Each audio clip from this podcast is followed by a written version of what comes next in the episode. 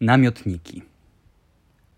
Gałęzie rosnących na terenie Nowego Teatru Głogów i Trzmielin pokryte są delikatnym obszędem przypominającym sieci pajęcze.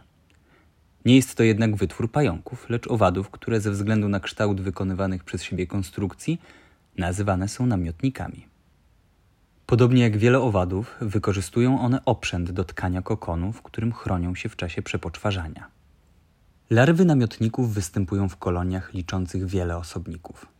Żerują na liściach roślin żywicielskich. Mechanizmem mającym chronić przed drapieżnikami jest synchroniczne poruszanie się wszystkich osobników w kolonii.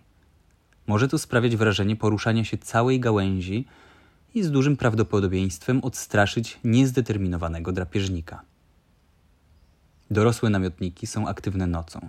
Niektóre potrafią w trakcie lotu emitować serię charakterystycznych kliknięć – Wydawane przez nie dźwięki są rozpoznawane przez nietoperze jako organizmy zawierające szkodliwe substancje, dzięki czemu unikają zjedzenia.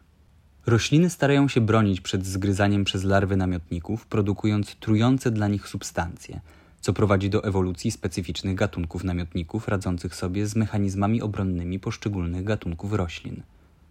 Na terenie Nowego Teatru na liściach głogu żeruje namiotnik owocowiaczek, a na liściach trzmieliny namiotnik trzmieliniaczek.